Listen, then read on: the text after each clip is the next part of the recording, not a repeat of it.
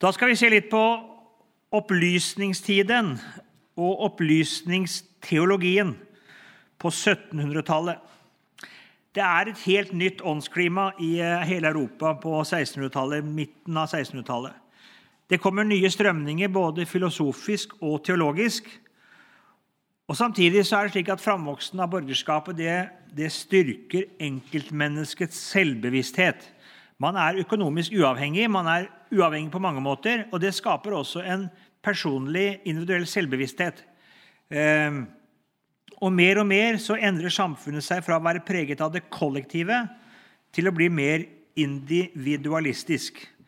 Nå skal vi ikke være marxister altså, som skal forklare alt sant, den åndelige overbygningen med de materielle livsforhold, men at det er, det er slik at vi, vi, vi, preges av tiden vår. Det gjør vi. Også i tenkning så gjør vi det, og det skal vi være klar over. Nå har pietismen fått skylden for opplysningstiden og rasjonalismen. Men jeg tror altså, som nevnt før, at det er riktigere å se det som parallelle strømninger. Røttene til opplysningstiden den går tilbake til renessansen, også til antikkens stoikere. De var på en måte eh, rasjonalistene i antikken. Og I hele middelalderen så var det en understrøm med tro på den menneskelige fornuft, og som kom til overflaten i sosianismen. Og Både reformasjonen og religionskrigen og konfesjonskampene etter reformasjonen la grunnlag for at den enkelte måtte avklare sin personlige tro. Eh, nå var det ikke kirken som var den ene kirken, men nå var det protestantisk tro i flere varianter, katolsk tro. Og det var også andre moderne, eh, nye tankestrømninger. Og De gamle kirkelige autoritetene vaklet innenfra. Hvorfor det? Jo, for nå var det indre strid. Og utenfra ble de angrepet pga. nye tanker som kom. Nye vite, naturvitenskapelige oppdagelser, ikke minst av det heliosentriske verdensbildet, altså at det, det er jorda som går rundt sola, og ikke motsatt. Det rokket også ved tilliten til den kirkelige autoritet, fordi man opplevde at Kirken hadde sagt det motsatte og undervist det motsatte. Jeg tror nok ikke det var noe særlig tema i prekener. Eh, og, men, men, når man møter denne læren fra Kopernikus, så var det nok en del som tenkte at det er ikke sånn vi har tenkt det, og det står sikkert i Bibelen. ikke sant? Eh, og så forsto man det sånn. Jeg tror ikke Jeg skal være klar over det, at Kopernikus og en del av disse forskjellige eh, vitenskapsmennene de ble lest av si, ortodoksiens og pietismens teologer uten at de hadde noe problem med det. De underviste ved samme fakulteter, altså. og det, så Jeg tror ikke vi skal overvurdere det. Altså, at, at, det var veldig motsetninger. Det var nok det hos noen, men det var ikke en entydig sak. Det var ikke alle som opplevde det som et problem i forhold til den bibelske lære. I England så møter vi deismen, særlig representert ved Herbert Cherbury og Matthew Tindal. Sherbury da på 1600-tallet og Matthew Tindal da inn på 1700-tallet. De søkte en naturlig religion. Man tenkte seg, eller deduserte Guds vesen ut fra menneskets naturlige moral. Man tenkte seg nærmest altså at eh, Gud i forlengelsen av den menneskelige moralske følelse. Man tenkte at det opprinnelige mennesket hadde en naturlig og meget enkel religion. Vi leser eh, Defoes Robinson Crusoe, ikke sant, så møter du fredag der. Og Han er på en måte, han tror jo på Gud, han. Men har liksom en enkel sånn naturlig religion. og Det er, det er liksom deistenes tankegang at alle mennesker har en naturlig religion. Og det er liksom at det finnes en Gud, sånn og sånn. Og, og Den er opprinnelig, den religionen, og den er bevisbar. Den er i samsvar med fornuften. Det er det som vi liksom eh, opplever og ser. Og den er nyttig. Religion er nyttig fordi den fører til moral. Og eh, I motsetning til de fleste religioner i samtiden som var befengt med mye overtro, altså derfor skadelig. Og ikke som Kristendommen og andre var jo da, mente man var da skadelig, for det var så mye overtro og som ikke stemte med fornuften. Eh, de franske deistene de regnet med en transcendent og personlig gud som har skapt verden. Men Denne Gud han har trukket seg tilbake. Han griper ikke lenger inn. Han har satt det hele i gang, men han er i grunnen ikke lenger til stede. Derfor fungerer verden etter skapelsen helt og full. Helt og fullt etter de rasjonelle lover, etter naturlovene. Eh, den, så du kan egentlig da forstå alt som nå skjer, ut ifra den lovmessighet som er i naturen. Og Sånn har, sånn har det vært altså fra skapelsen av. Det vil si at Under er jo da også umulig. altså er, Kan forklares mekanisk, naturalistisk. kan forklares. Og Her har du kimene på mange måter til den, det, det, det, vi kan kalle det naturalistiske verdensbildet. Et, et verd, en forståelse av verden hvor Gud ikke lenger finnes. Her tenkte man at han har skapt begynnelsen, men så er han borte. Og Alt siden kan vi forklare egentlig eh, vitenskapelig. Gjennom hele 1600-tallet er det en rekke filosofer som tar utgangspunkt i den menneskelige erkjennelse, erfaring og fornuft, og så søker man å utlede en virkelighetsoppfatning på basis av den menneskelige erkjennelse og fornuft. Descartes, ikke sant? Jeg tenker, derfor er jeg til. ikke sant? Cogito ergo sum. Og så prøver han å dedusere alt ut ifra det. Alt ut ifra den ene erkjennelsen at jeg tenker. Altså eksisterer jeg og så tenker man ikke sant, Jeg tenker jo, jeg har jo også tanker om Gud. Ja, da finnes det jo en Gud. ikke sant? Altså, altså Jeg tenker det ut ifra den menneskelige erkjennelse, tanke, følelse. Så på en måte deduserer jeg virkelighetsoppfatningen. Eh, ganske rasjonalistisk ut fra den menneskelige tanke. Spinoza, Leibniz, Locke det samme. Og Disse legger da grunnen for opplysningsteologien med sin bibelkritikk og religionskritikk. Alt alt, ubetinget alt, skal prøves på den menneskelige erfaring, erkjennelse og fornuft.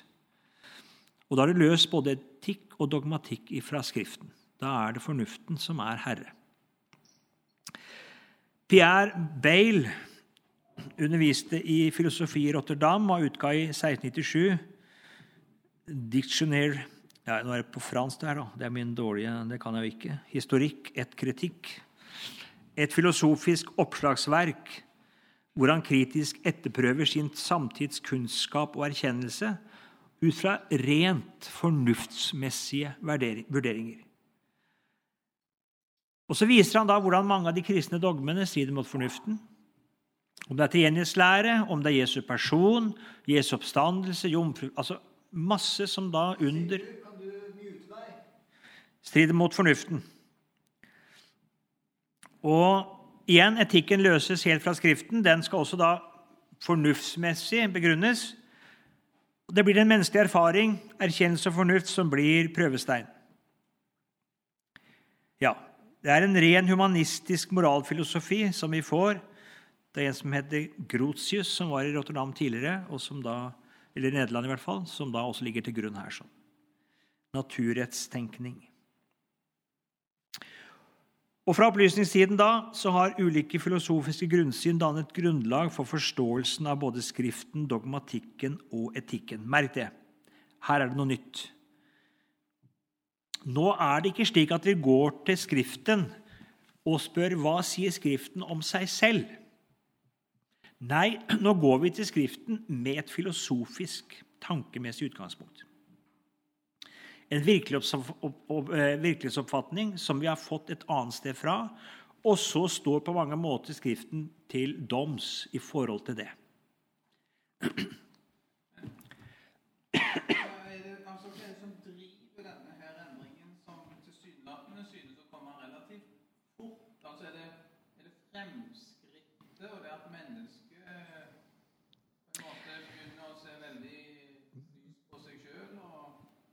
Jeg tror ikke jeg skal, skal ta bort det. altså Tenk på da den, den eh, altså Man har oppdaget Amerika, man har tatt sjøveien hit og dit. Man føler at man har på en måte eh, kommet langt. Man, har, man, begynner også å se på og forstå liksom stjernehimmelen. Det er ikke noe som man har lært av Bibelen, det er noe man har lært ut fra den vitenskapelige. ikke sant?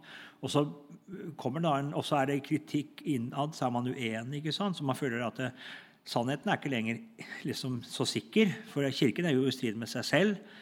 Eh, ja, og da får man også en frimodighet at tenk på alt hva vi vet, alt hva vi kan, alt hva vi får til. At man, En slags selvbevissthet ja, om at, at, at vi, vi har kommet så langt nå at vi kan rett og slett altså Og, og sånn vi tenker om verden ellers, Eh, det begynner en teknisk utvikling også. Så, så vi, vi, bygger jo det vi driver med og arbeider med, og sånn, ut fra det vi har funnet ut. Ja, så har man frimodighet, og da går vi løs på Skriften ut fra samme, eh, på samme måte. Jeg det er et, et menneskelig hovmot. Eh, vi har jo, Når man bygger Babels tårn, se hva vi får til. ikke sant? Så nå skal vi gjøre oss et navn. og en slags selvbevissthet som gjør at selv Gud må bare bøye seg for det. Og Det er noe av det samme vi møter, møter her. sånn.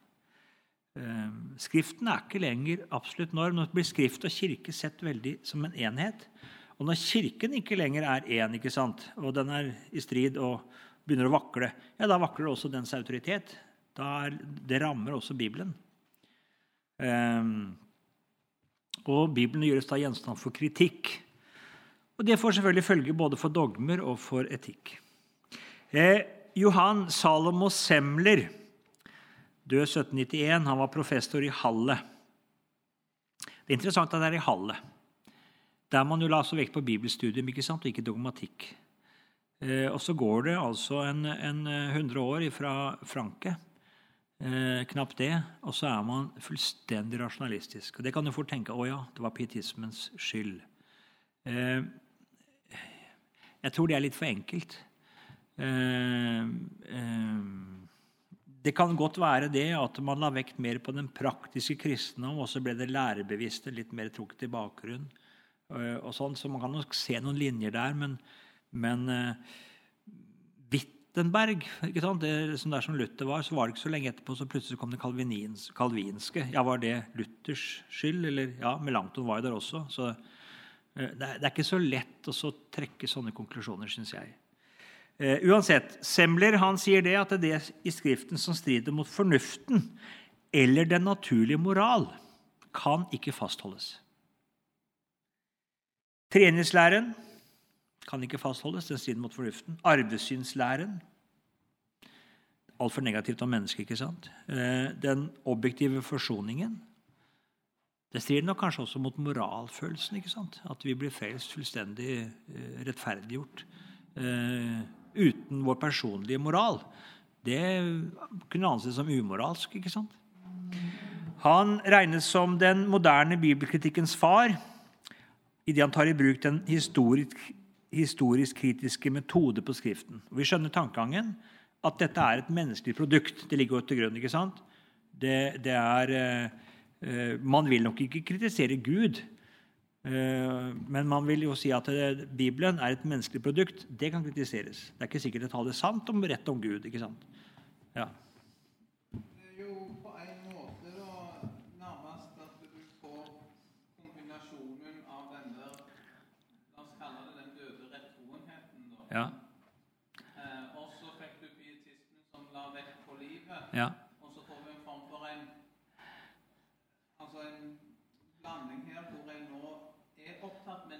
Ja.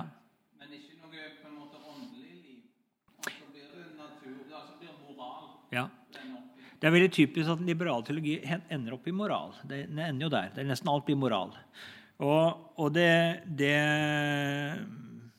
Kanskje kan du se en utvikling der, at man, sant, man, får noen inn som er veldig opptatt av det kristne liv, av disse ting, men, men, eh, at disse får plass, og, øh, som har dette praktiske siktet og som på en måte ikke er så opptatt av det objektive, hva som er sant. ikke sant? Og så glir det, kanskje. Det er noen linjer der. Vi skal se på to retninger. Jeg skal ikke ta så mye tid til dem. Neologi, det var Semler. Den nye teologi betyr det. Neologi. Eh, de ville holde fast på de kristne dogmene. De ville det så sant ikke stred mot fornuften. Men som sagt, arvesynslære, treenighetslære, kristologi, det angriper man sterkt. De var likevel til dels konservative. Så, så, alt man kunne holde fast på med fornuften, det ville man holde fast på. For man var ikke radiser på den måten. Eh, men Skriften altså hører med til et ledd i den menneskelige utvikling. Det gjelder også Jesus og apostlene. De var barn av sin tid, og så er vi kommet litt lenger. ikke sant? Og så må vi gå videre, utover den bibelske lære, til et mer fullkomment synspunkt, som er i samsvar med fornuften, og den er i samsvar med virkeligheten. Dette er jo nesten som skal være sagt i dag, er det ikke det? Det er ikke noe nytt under solen her. Dette er altså den, den nye teologi. Så har vi noe som heter supranaturalisme. Eh, den tar som deistene utgangspunkt at det finnes en naturlig religion. Derfor er det, kalles det naturalisme. Men så regner man det at i tillegg til den naturlige religion, så har det kommet en åpenbaring. Det er over. Det er supra. Så man åpner altså for en åpenbaring som går utover det den menneskelige fornuft og erkjennelse kan fatte og begripe. Fornuften kan nå til et visst punkt, men så legger åpenbaringen over. Dette minner meg ikke så rent lite om en del av den apologetiske tenkning i dag. Den er veldig på en måte Ja, vi er, følger vitenskapen, vi følger fornuften, men så har Bibelen noe tillegg. Det har noen synspunkter til som på en måte fornuften bare må stille seg passiv til. Men, men vi aksepterer på en måte det vitenskapelige utgangspunkt. Det gjør vi. Vi, vi, vi, vi snakker samme språk. Derfor snakker de samme språk som deistene. Eh, og Man forholder seg altså til, til, eh, til Skriften og til kristendommen. Den er I bunn og grunn så er den både naturlig, fornuftig, men så er det noen ting som er på et, et plan over det. Eh, altså, Gud har skapt verden, det er liksom det er over. Men når vi går til selve skapelsen, da forholder vi oss til vitenskapen. Bare ta det som eksempel fra vår tid. Det er noe av samme tankegangen her. Eh, Åpenbaringen strider dog ikke mot fornuften. Gud har jo skapt både oss ikke sant, og vår fornuft og virkeligheten. Så det, det, det, må jo være samsvar. Det kan ikke være motstrid der. For Gud er på en måte Akkurat disse argumentene kjenner dere ikke sant? Fra, fra den moderne apologetikk, som jo da egentlig vil forsvare kristendommen eh, og holde fast på åpenbaringen. Men når det kommer til stykket, så må åpenbaringen bøye seg for fornuften. Og Det måtte man også i supranaturalismen. Eh, man søker å forsvare åpenbaringen med fornuftsargumenter. Og det går utover åpenbaringen. Eh, mer og mer så får fornuften overtaket. Eh, man klarer ikke å holde fast på det i åpenbaringen som strider mot fornuften. Naturalisme, rasjonalisme Her regner man overhodet ikke med noen guddommelig åpenbaring. Man søker altså en naturreligion, og de fleste kristne dogmer anses som overtro. Og så står man bare igjen med det som fornuften kan godta, og det er stort sett moral. Så Jesus er en morallærer, menneske, en menneskelig morallærer, eh, og ferdig med det. Representanter for denne tankegangen er Gotthold Lessing Immanuel Kant.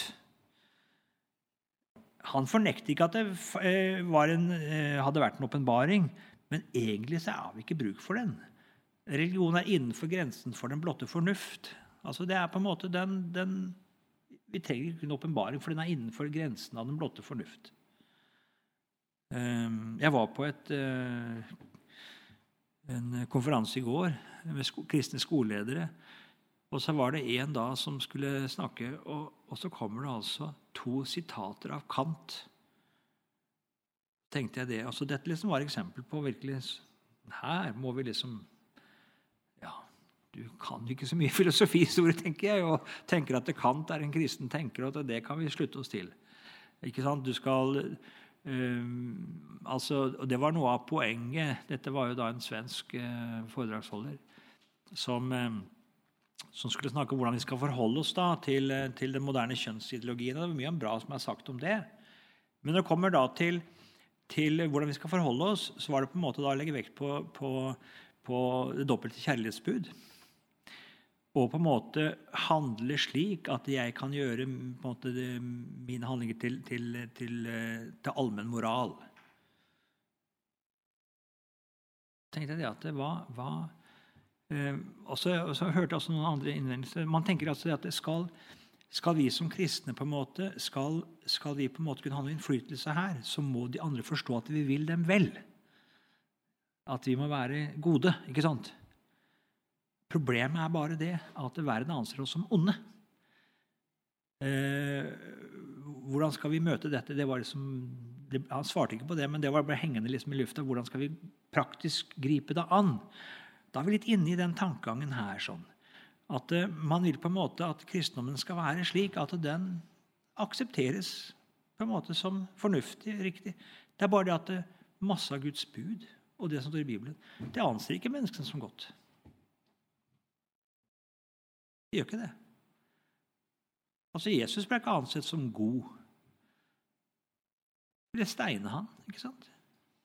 Jesus spør for hvilken ånd gjerning hva han har gjort som det gjør det.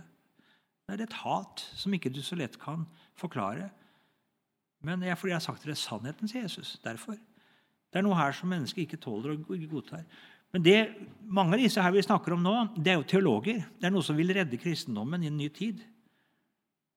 Men det gjør man å legge seg helt flat for tidsånden. Det er ikke veien. Det er ikke veien. Da utarmer vi kristendommen. Og vi står igjen med tidsånden og ikke noe annet. Det gjorde man både i naturalismen og rasjonalismen. Dette er jo da på kristenhetens område. Om det er filosofer, så var det ofte teologer, disse her. Og de ender opp der altså i, i ren mennesketanke.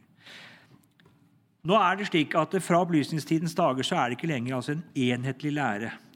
Det splittes opp i en masse skoleretninger. Noen er fortsatt ortodokse. Det er noen lærere som er der, både professorer og prester. Noen er pietister. Noen er preget av botsfromhet, og noen er hernuttiske. Noen er rasjonalistiske. Altså, det er masse forskjellig. Det er liksom et, et helt plutselig sånn eh, Eh, et, et, et eh, torv der med masse ulike meninger. Det er egentlig relativt, relativt sett nytt. Ikke helt. Det har vært tendenser før, men nå er det på en måte så eh, gjennomført. Eh, og det er noe for enhver. holdt jeg på å si. Hva du ønsker, så får du det. Litt om utviklingslinjene på 1800-tallet. En som heter Fredrik Schleiermacher, professor i Berlin død 1834. Eh, der er religion nå det er på en måte, Han har jo forlatt alt som heter åpenbaring. Eh, religion er en umiddelbar bevissthet i sjelslivet. En følelse av endelighet i det uendelige og gjennom det uendelige. Mennesket erfarer seg som ett med alt værende og erfarer derigjennom det guddommelige. Dette er ren panteisme. Eh, vi hadde jo en her i Norge som het eh, Hognestad. Helge Hognestad. Han var jo panteist. Han, han, hadde, han var nok et virkelig barn av Schleiermacher. Det fantes ikke noe objektiv sannhet eller på en måte noe åpenbar. Forholdt seg ikke til det. Men det, ene var ren følelse og religiøs følelse og bevissthet. Jeg skal ikke si så mye mer enn det, altså, men, men eh, eh, han sitter igjen med det. Han skrev det sånn, Schleiermacher. Den er ikke en kristen som har en bibel, men den som kan skrive en. Altså På en måte så er det ikke noen objektiv sannhet. Det er ikke det. Det er ikke noe troslære igjen.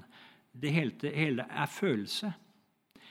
En viss påvirkning får vi innenfor det de kaller erfaringsteologi. Det er hva Hallesby var. Hvor på en måte det er erfaringen og følelsen blir på en måte en instans. Eh, det er nok en litt følge av dette vi snakket om i pietismen, at jeg skulle erfare og dermed på en måte oppleve det som Skriften sier, men man går et skritt lenger. Hvor på mange måter at, eh, at eh, den, den, den, menneskelige erfaring eh, den blir på en måte eh, litt mer tolkningsnøkkel enn en, eh, bare en, en, på en måte en, eh, at jeg erfarer Skriftens sannhet. Det blir noe mer enn det. Strauss, David Strauss, død 1874, han stilte seg som Schleiermacher negativt til rasjonalismen. Han var like skeptisk til de bibelske beretninger som, som den, men likevel så mente han at de, de bibelske beretninger de skal vi ikke lese rasjonalistisk. Nei da, og avvise dem. Nei, vi skal lese dem. Det er aldri tenkt å være altså en, eh, sanne beretninger. Vi skal ikke avvise dem, men dette er myter. Det kjenner vi også. Dette er, dette er ikke historiske beretninger. Vi skal ikke, vi skal ikke gi dem en fornuftig og kritisk forklaring. Nei.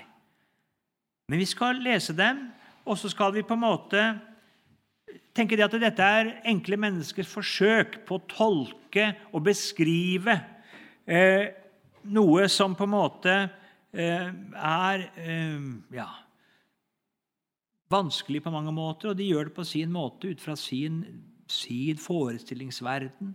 Eh, om det er jomfrufødsel, eller det er skapelse, eller det er vannflom, eller hva det er, så er det på en måte De bruker sin tids både sjanger og tankegang, ikke sant? Så må vi avmytologisere det hele. Hva er det egentlig dette handler om? Eh, hva er de bærende religiøse ideene når vi ser bak beretningene? Det blir ikke så veldig mye igjen, annet enn det som eh, er i pakt med tidsånden. Så Da leser vi av skapelsesretningen at Gud har skapt. punktum.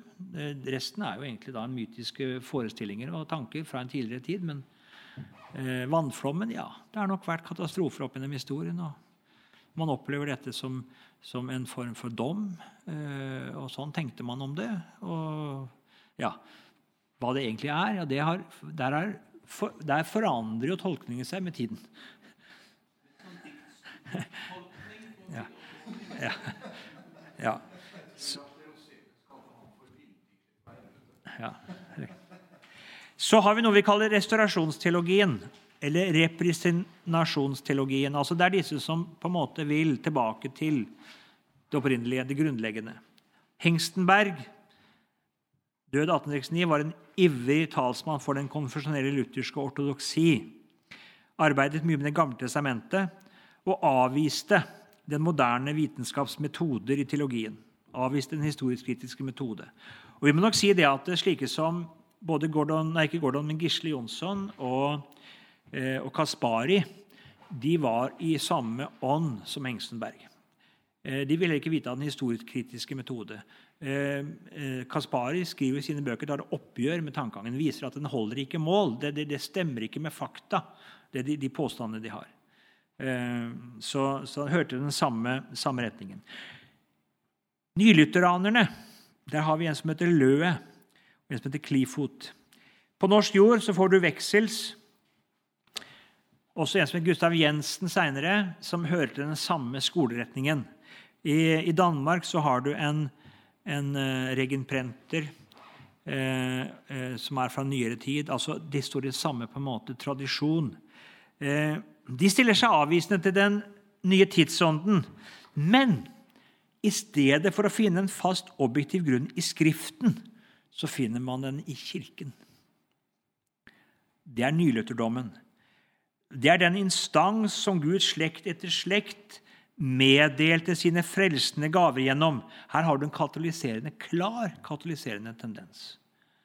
Ehm, det kirkelige hierarki og embetet er utgangspunkt for alt.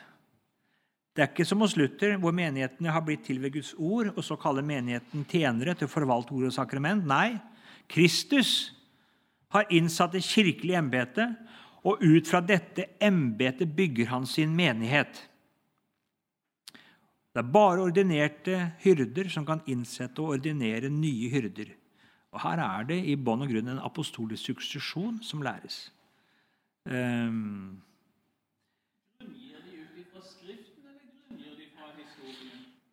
man, eh, man, og man er veldig glad i det som står ikke sant, om at uh, Paulus ber Titus å innsette eldste by etter by. Uh, der har du, ikke sant, Paulus har innsatt Titus, Titus innsetter.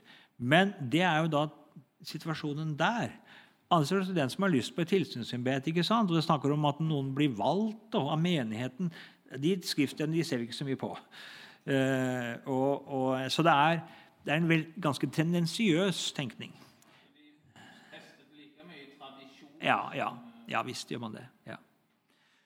Uh, veldig glad i uh, en del av kirkefedrene og første biskopene som var veldig opptatt av Man vil jo gjerne at Ireneus for eksempel, skal lære apostolisk suksesjon. Det gjør han ikke. Ikke Ignatius heller. De lærer en læresuksesjon. At biskopene er garantier for den rette lære fordi de er, står så nærme apostlene. Mens disse blir brukt da, for å argumentere for at dette har vært liksom, læren helt tilbake. Og det har det ikke. Eh, kirke og sakrament forstås som institusjonelle ordninger. og dels altså selvstendig. Slik at man kan tale altså om, om, om eh, hvordan Kirken formidler Guds nåde, hvordan dåp og nattverd formidler Guds nåde. Og så er det på en måte så lurer på, ja, men hvor blir det av Jesus og hans frelsesverk i dette? her? Ikke sant? Man, det på en måte begynner å leve sitt eget liv. Som på en måte nådeformidling i seg selv. Løst ifra den bibelske forkynnelse, evangeliet og Jesu frelsesverk. Eh, man snakker om dåp og, og nattvær altså fullstendig nesten som på en måte frelsesanstalter. Eh, og Kirken som frelsesanstalt i kraft av, i kraft av seg selv. Og, og, da er vi noe, over i noe helt annet. Det, du har tendenser også klart i den katolske kirke for dette. Når den norske kirke i dag holder på å kjøre reklamekampanjer for å få folk til å døpe barna Ja, ja. Ja, ja. Eh, vi møter en spesiell utgave av nylutherdommen hos Grundtvig. Han, også, eh, han startet jo som en bibeltroende prest som hadde sin dimmispreke som heter 'Vi er Herrens ord forsvunnet fra Herrens hus', eller Guds hus. Og så mister han etter hvert troen på Skriften som Guds ufeilbarlige ord. Hva skal da være fundamentet? Ja, Da har han det han kaller den makeløse oppdagelse. Og Den oppdagelsen den består i altså at eh, trosbekjennelsen den var noe som apostlene hadde fått direkte fra Jesus selv. Den går tilbake til Jesus og apostlene. Det er på en måte det sikre fundament. Det er trosbekjennelsen. Ikke Bibelen, men trosbekjennelsen. Eh, Kaspar i Norge han gjorde et kjempearbeid med denne forskningen på det, og oppdaget at trosbekjennelsen den er av langt senere dato. Den, det, det holder overhodet ikke mål. Eh, så han på en måte har sånn vitenskapelig, fullstendig historisk altså underkjent Grundtvigs makeløse oppdagelse. Allikevel så ble i grundtvianismen så ble det slik at eh, det var altså menighet samlet om, eh, om eh, sakrament, trosbekjennelse og sakrament. Ikke så mye ord og sakrament, men trosbekjennelse og sakrament. Det levende ordet i Kirken, kanskje, men ikke, ikke Skriften, altså. Eh, men en gudstjenestefeirende menighet samlet her, sånn, det var på en måte det sentrale. Og da på nattvær da. Så det er, det er en, På en måte så gikk dette veldig fint i sammen. Veksels var både grundtvigianer og nylutheraner på mange måter. Dette her ble forenet.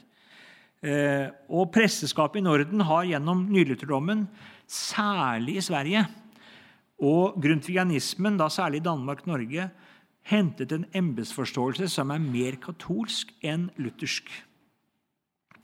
Og Gjennom Veksels og hans pastorallære da, eh, så, så, ble den nylutherske kirke- og embetsforståelsen formidlet til flere generasjoner av prester i Norge. Eh, en forferdelig skade, eh, vil jeg si altså.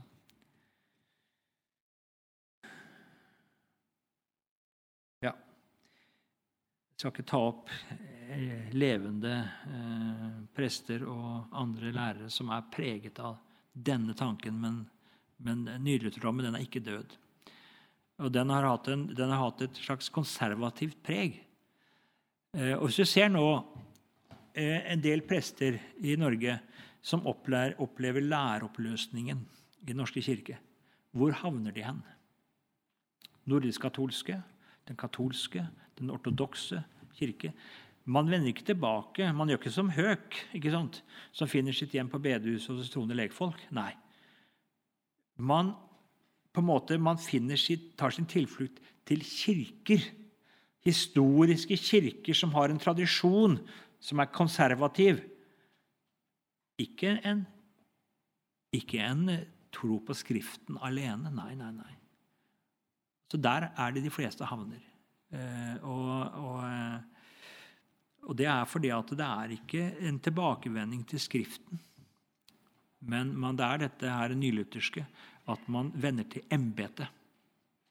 Og Det møter man i katolske kirke, den ortodokse kirke, i den nordiske katolske. Det er embetet som man er opptatt av. Når den misjonsprovinsen i Sverige, som har samme nylutherske embetsforståelse, kirkeforståelse, når de skulle da eh, på en måte få sin egen, på en måte innvie sin egen biskop, eller erkebiskop, så må man til Kenya for å finne en som har apostolisk suksesjon, som kan være med. Det er nytt typisk. Det er ikke en, det er ikke en, det er ikke en luthersk embetsforståelse her.